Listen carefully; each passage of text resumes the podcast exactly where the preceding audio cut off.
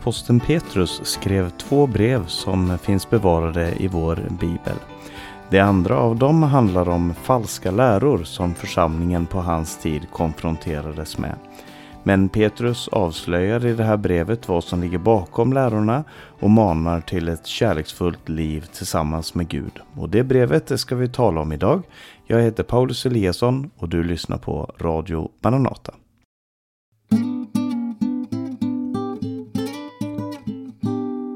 Andra Petrus brev finner du mot slutet av eh, det Nya Testamentet i den delen som kallas för de generella eller de katolska breven. Eh, och det har tre kapitel och skrevs antagligen på, under samma tid och på samma plats som första Petrus brev. Men andra Petrus brev är mycket mer av en avslutande skrift för Petrus del, eh, där han vet att han snart kommer att dö. Eh, författaren till det här brevet, som sagt Simon Petrus, han var en av de tolv lärjungarna till Jesus. Ehm, och när jag säger att författaren är Simon Petrus så är det för att han presenterar sig som det i, i början av brevet. Men det här är en av de mest omdiskuterade skrifterna. Både huruvida det faktiskt är Petrus som ligger bakom den här texten och huruvida den här texten ska vara en del av Nya Testamentet. Ehm, den första frågan, det är en fråga som har dykt upp. Eh, ja, den, den fanns under de första apostlarnas tid, eller inte de första apostlarnas tid, den fanns i efterapostolisk tid. Eh, där man diskuterade om huruvida det här var, verkligen var Petrus som hade skrivit det här brevet.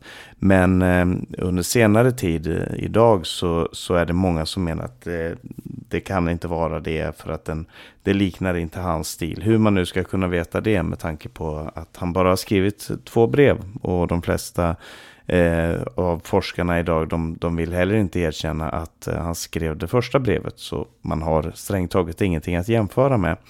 Eh, till, den, till det påståendet skulle jag vilja säga det som jag sa när det gäller första Petrus brev. Nämligen att eh, det verkar som att Petrus i båda sina brev använder en skribent. Någon som skriver för honom. Och i så fall kan det hända att Petrus dikterade på arameiska.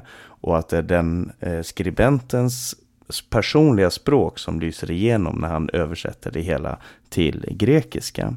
Eh, men det som också var en diskussion under eh, efterapostolisk tid, det var huruvida andra Petrus brev hörde till eh, i skriften som kanon. Ska den vara en del av Nya Testamentet? Och därför att det var ett av de brev som var allra minst spridigt det var inte så många församlingar som hade andra Petrus brev. Eh, och det kan finnas många anledningar till det, till varför man inte kopierade den texten lika mycket som andra. Men eh, redan på 200-talet som nämner eh, Origenes nämner andra Petrus brev och eh, den, har, eh, den har under senare tid av, av den kristna församlingen eh, varit o, stort sett, ska jag säga, odiskuterad huruvida den hör hemma i Nya Testamentet. Den är där och det är genom Guds försorg som den är där. Och den här eh, brevet det nämner också ting från Petrus liv tillsammans med Jesus. Han, han är väldigt tydlig i det här brevet att han faktiskt eh, att det faktiskt är han och att det faktiskt är eh, text, text som han har skrivit och hans vittnesbörd.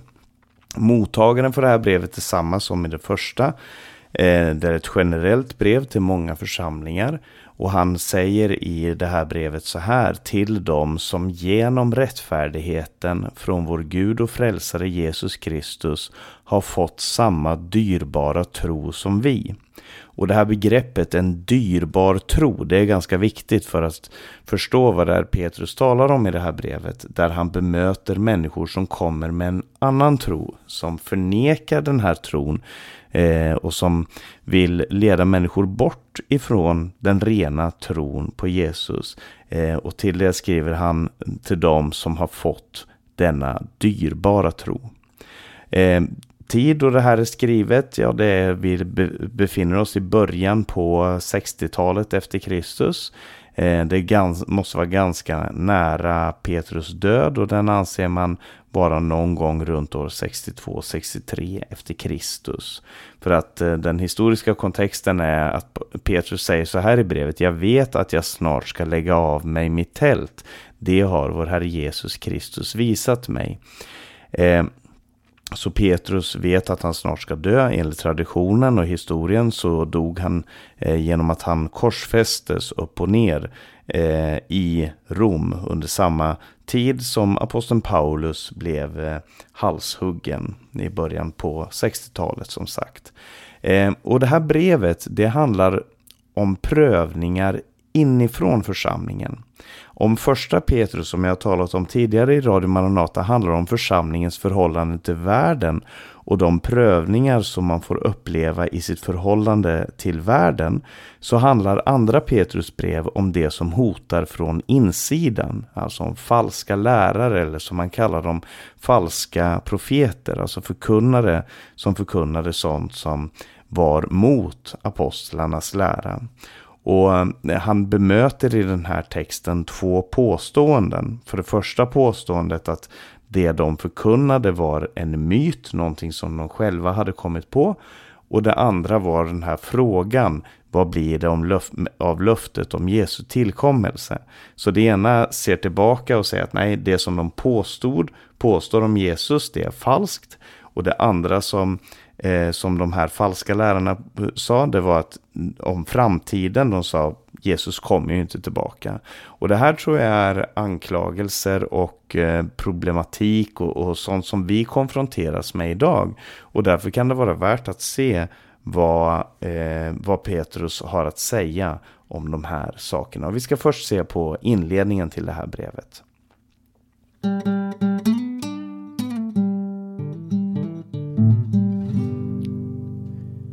Inledningen till andra Petrus brev är ganska storslagen, det måste jag säga. När man läser den så är det en väldigt storslagen text. Det är en text som för övrigt var den första texten som jag eh, hade bibelstudium över för många, många år sedan eh, på en bibelskola i, eh, i Stockholm.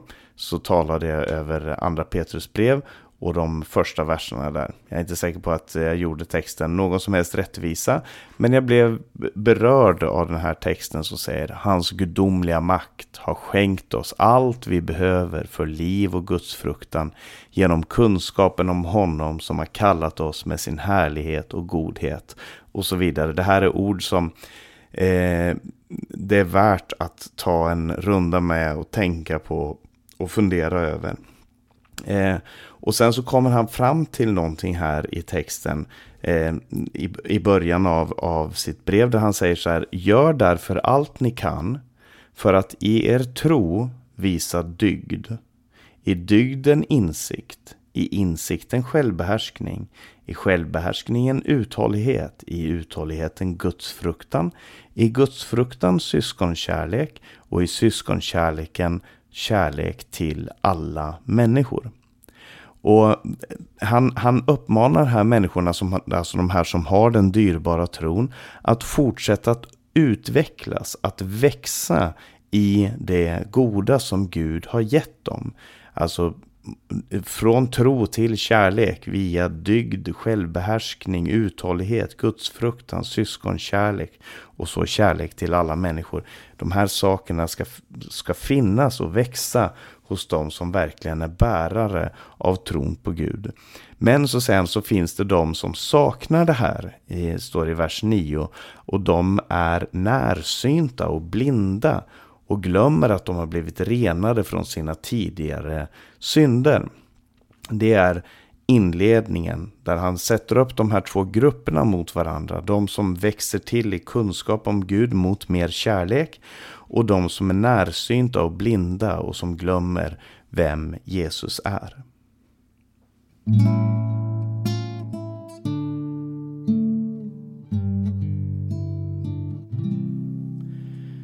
Så första påståendet som de här människorna kommer med, det var att eh, det var bara myter som apostlarna förkunnade. För det är det eh, Petrus eh, försvarar sig emot i den 16 versen i första kapitlet när han säger Det var inga utstuderade myter vi följde när vi förkunnade vår Herre Jesu Kristi makt och hans ankomst för er, utan vi var ögonvittnen till hans majestät. Så här ser han tillbaka på det som de upplevde, det de var igenom, när de eh, mötte Jesus, när de vandrade med Jesus under tre års tid, lärde sig, blev kallade av honom, lärde sig av honom, såg hans under och mirakel och så vidare. Så uppenbart så fanns det en anklagelse från en viss grupp människor som sa att nej, det där som Petrus och de andra apostlarna säger, det är bara utstuderade myter. Och Petrus försvar för det första, det är först och främst, vi såg honom. Vi tog på honom. Alltså någon som har varit ett ögonvittne känner inte det här behovet av att liksom, jo men du förstår att och jo men du vet att, alltså, ja men vi såg det här. Vi, vi behöver inte diskutera det. Vi såg honom, vi bevittnade hans majestät. Vi var med honom uppe på berget där han förklarades, där vi såg honom förvandlas inför våra ögon. Eh, och så det har han på den ena sidan. Och dessutom säger han så har jag det profetiska ordet. Vi har hela det profetiska ordet som vittnade om att Jesus skulle komma. Vi var, eh, eh, han säger vi var ögonvittnen till hans majestät, men Dessutom har vi något som är mycket starkare, det profetiska ordet. Och det, det som vi finner i skriften och det han menar här, syftar på här, det är ju det gamla testamentet, de hebreiska skrifterna. Och han säger att de här profetiorna, de har inte burits fram av någon människas vilja. Det är inte några utstuderade myter, utan det är människor som har varit ledda av den helige ande, som har talat vad de har fått från Gud. Och eh, så, så det här var hans försvar inför dem som anklagar honom för att vara en mytskapare. Men sen går han till anfall. Han går till attack mot de här människorna och han säger att precis som det på gamla testamentets tid fanns falska profeter ibland folket så finns det också falska lärare idag som kommer med förödande irrläror, säger han. Och det de gör är att de förnekar Jesu herradöme. De förnekar Jesus som herre. Alltså de vill inte ha Jesus som härskare över sig. Och det är intressant därför att eh, i alla sektrörelser, i alla rörelser som går bort ifrån det som Gud önskar, det som Gud har talat om och det som Gud vill sätta fokus på för en, en människas liv tillsammans med Gud. Eh, de, de eh, förvränger synen på vem Jesus är. Det är det absolut vanligaste. Att man tar beskrivningen av Jesus och så försöker man göra om den. Eh, bort från det som evangelierna talar om, bort från det som församlingen har haft som förståelse genom två årtusenden. Du kan se det hos Jehovas vittnen. Du kan se det hos mormonerna. Du kan se det hos muslimerna. Och du kan se det också i det som de här människorna talade om här, där de inte ville att Jesus skulle vara Herre. Jesus kunde vara många andra saker, men han skulle inte vara den som härskar över dem. De skulle inte vara no några eh, slavar under någon som helst. Och han säger att de använder sin teologi för att eh, försvara ett liv i lössläppthet. Och den här lössläpptheten leder till girighet. Och girigheten leder till falskhet. Och man ser det här som en kontrast mot det som Petrus önskade skulle ske hos människorna som trodde på Gud och som bekände Jesus som Herre. För att när man bekänner Jesus som Herre, då kommer det här med tro, dygd, självbehärskning, uthållighet, gudsfruktan, syskonkärlek och kärlek till alla människor. Men de här människorna som då förnekade Jesus som Herre, de, det ledde till ett liv i lössläppthet, i girighet, i falskhet och en en vandring mot domen. För att det som de här människorna gjorde när de förnekade Jesus som Herre var att de förnekade honom som, som, eh, eh, eh som domare. De vill inte bejaka att det kommer en dom. Och därför så ger Petrus tre historiska exempel, både från, eh, från skriften men också från den judiska traditionen. När han säger att eh, eh, för det första så fanns det änglar i den gamla världen som syndade och som kastades i avgrunden och överlämnades åt mörkrets kedjor för att hållas i förvar fram till domen. Det här kan man egentligen inte läsa om i, i Gamla Testamentet. Det, det, står inte den här berättelsen om änglar som hade syndat. Men eh, det ligger implicit i texten på många ställen. Och det fanns också en, en judisk tradition som talade om just det här om änglar som föll. Eh, det andra exemplet som man tar, det, det finner du i Bibeln, det är berättelsen om Noas tid. Där Noa ble, där den forntida världen blev förstörd, men Gud bevarade Noa som förkunnade rättfärdighet. Och så nämner han också Sodom och Gomorra som förstördes, men Gud räddade den rättfärdige Lot. Eh, så han, han poängterar två viktiga saker här. För det första, det kommer en dom. Den Gud som skapade världen, den Gud som satte allting i rörelse och som själv är rättfärdig. Han kommer inte tillåta att orättfärdigheten fortsätter. Eh, så han kommer att leda allting fram till en dom. Men det finns också en frälsning. Precis som det på Noas tid och på Sodom och Gomorras tid fanns en räddning för den som var rättfärdig. Så finns det idag en räddning för den som kommer till Jesus. Gud frälser alltid ur domen. Och så säger han att den som förkunnar ett budskap som rättfärdigar synd som de här människorna gjorde när de förnekade Jesu herradöme och så sa de att det är inget problem att leva i lössläppthet, alltså eh, sexuell lössläppthet. Det är inget problem att leva i girighet, att önska sig mer rikedomar och så vidare.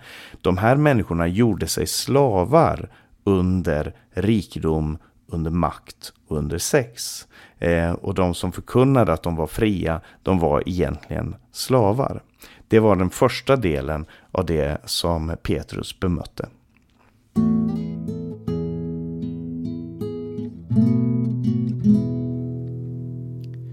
Det andra som eh, Petrus bemöter, och det är framförallt i det tredje kapitlet, det sista kapitlet, det är att han talar om eh, hånfulla människor som kommer med hånfulla påståenden. Och det här kanske du har eh, upplevt, för det står så här. Eh, Petrus säger så här, framförallt ska ni veta att eh, i de sista dagarna kommer hånfulla människor som drivs av sina begär och som hånar er och säger, hur går det med löftet om hans, alltså Jesu, återkomst? Sedan fäderna dog har ju allt fortsatt precis som det varit sedan skapelsens början. Här är alltså inte frågan om eh, vad, vad för ett liv eh, om Jesu existens och om Jesu liv och förkunnelse så som apostlarna hade presenterat den.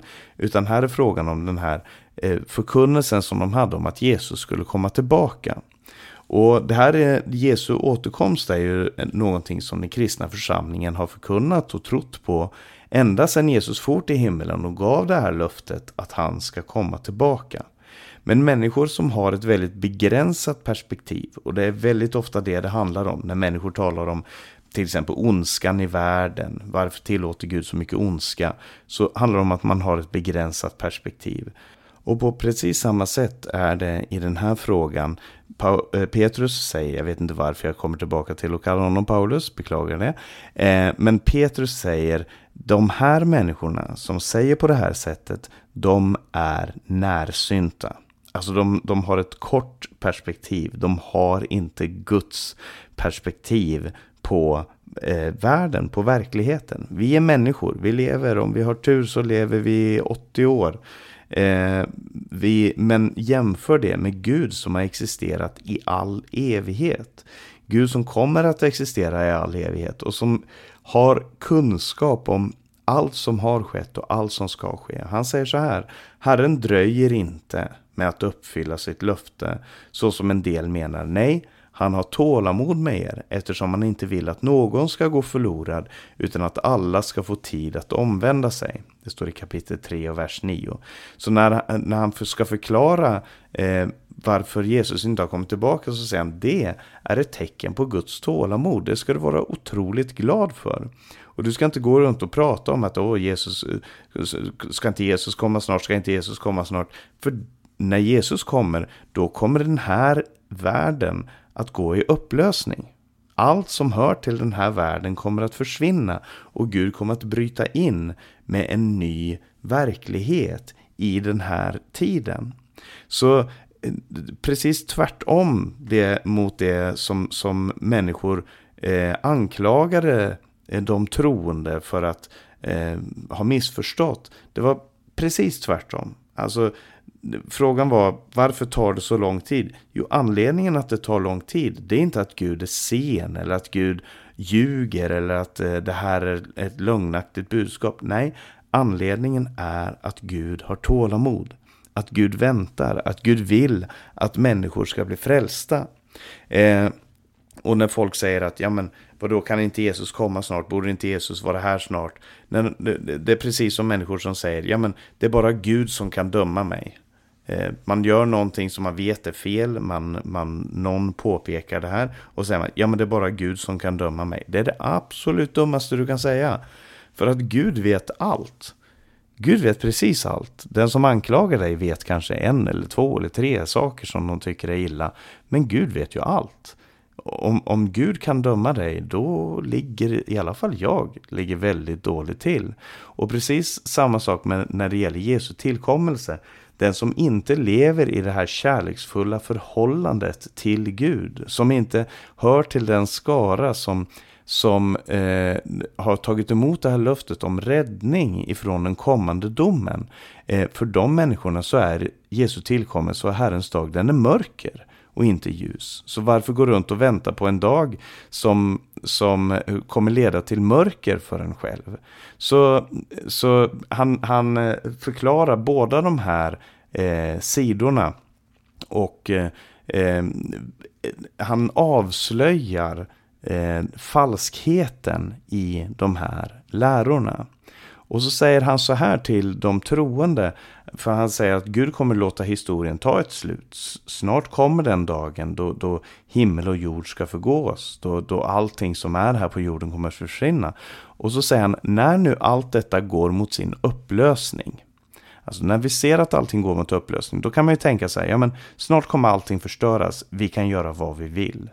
Eller som om du ser en, en postapokalyptisk film eller en film där, där det beskrivs, en bok där, där det beskrivs hur världen kommer se ut när, när eh, man får veta att man bara har lite kvar att leva. Och så, eh, så är det så många människor som liksom som förlorar kontrollen, som förlorar självkontroll, som eh, nu ska jag snart dö, då ska jag leva ut allt det här. Men när Petrus säger, när nu allt detta går mot sin upplösning, alltså när vi som troende ser att allting håller på att förstöras, hur ska vår reaktion vara? Ska det vara panik? Ska det vara likgiltighet? Ska det vara eh, en vilja att leva i ut, lössläppthet och bara låta alla drifter ta över? Nej, säger han. När allt detta går mot sin upplösning, hur heligt och gudfruktigt bör ni då inte leva medan ni ser fram emot Guds dag och påskyndar dess ankomst. Han säger heligt, det handlar om att vara avskild, Gudfrukta, gudfruktigt, det handlar om att ha Gud som eh, sitt, i sitt fokus. Att, att leva för Gud, tillsammans med Gud. Eh, och, och så säger han, eh, medan ni ser fram emot Guds dag, alltså för den som, för den som eh, älskar Gud, för den som ser ondskan i världen och längtar efter att den här ondskan ska få, få ett slut. När man ser hur, hur världen är förstörd genom genom eh, hur vi behandlar varandra, hur, hur vi är onda mot varandra. När vi ser allt det så föds en längtan i oss efter Guds dag. Och sen, och påskyndar dess ankomst. Och jag vet inget annat sätt att påskynda Herrens dags ankomst än det faktum att vi leder människor till Gud. Att vi är med på att låta Guds tålamod få bära frukt. För att det står att Herren dröjer med sin dag därför att han har tålamod med er. Han vill inte att någon ska gå förlorad utan att alla ska få tid att omvända sig. Och om du som lyssnar på det här inte har omvänt dig, om det har kommit någonting emellan dig och Gud i ditt liv, så ska du veta det att det här budskapet är till dig. Eh, Gud väntar på dig. Och det kommer ett slut, men idag så finns det fortfarande tid att omvända sig, att komma till Gud och få uppleva närheten och kärleken som han gör, som han ger. Och den här världens ände för dig som är kristen så vill jag säga att den här världens slut ska inte mana oss till att gotta oss i andra människors eh, sorg eller att få panik eller att drivas till passivitet. Men världens ände ska motivera oss till att leva heligt, kärleksfullt. Och Petrus är i den här boken väldigt passionerad. Det här är ju hans svanesång, han vet att han snart ska dö. Men han säger att Guds kärlek till den här världen gör att Gud också måste döma allt som förstör den här världen. Så kärleken och domen, rättfärdigheten och nåden, det är saker som går hand i hand. Och han avslutar med att säga så här, mina älskade, ni vet ju redan detta. Var därför på er vakt så att ni inte dras med i de laglösas villfarelse och förlorar ert fäste. Det är alltså den negativa sidan. Se till att ni inte blir dragna bort ifrån Gud och ifrån ert fäste. Och så sen, men väx istället i nåd och kunskap om vår Herre och Frälsare Jesus Kristus. Hans är äran, nu och till evighetens dag. Amen. Och det tycker jag sammanfattar väldigt bra det första, andra Petrus brev handlar om.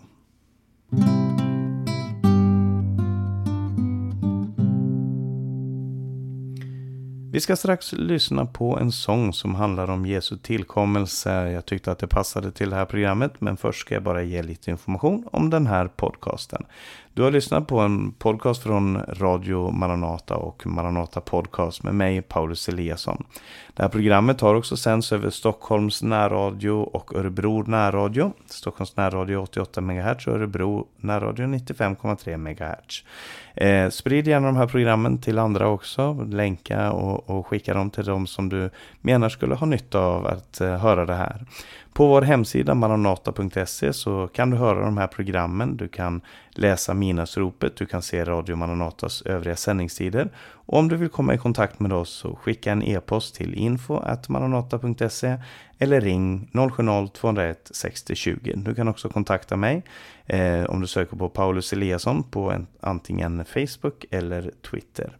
Sprid Guds välsignelse till alla du möter och vi hörs igen om en vecka. Tidens aftonskymning bland skuggorna jag står och ser de sista strålar av sol som nedergår. Snart Människosonens tecken skall glimma ut i skyn och varje hjärta gripes av denna stora tidens aftonskymning. Vad är bland kamp och strid? Bland jordens barn i gruset liksom på Noas tid. Man bygger och planterar till köpenskap man går. Och sorglös hop ej aktar den dom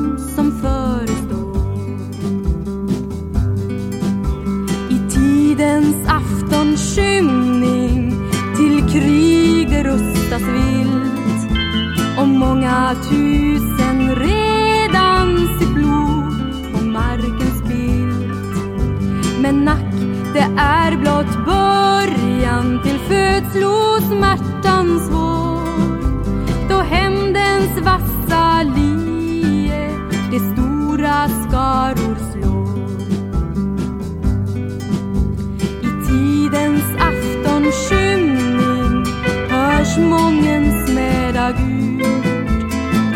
och utan fruktan.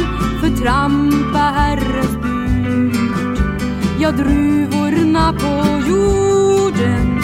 För skörden mogna fort då vredens press skall trampas där utom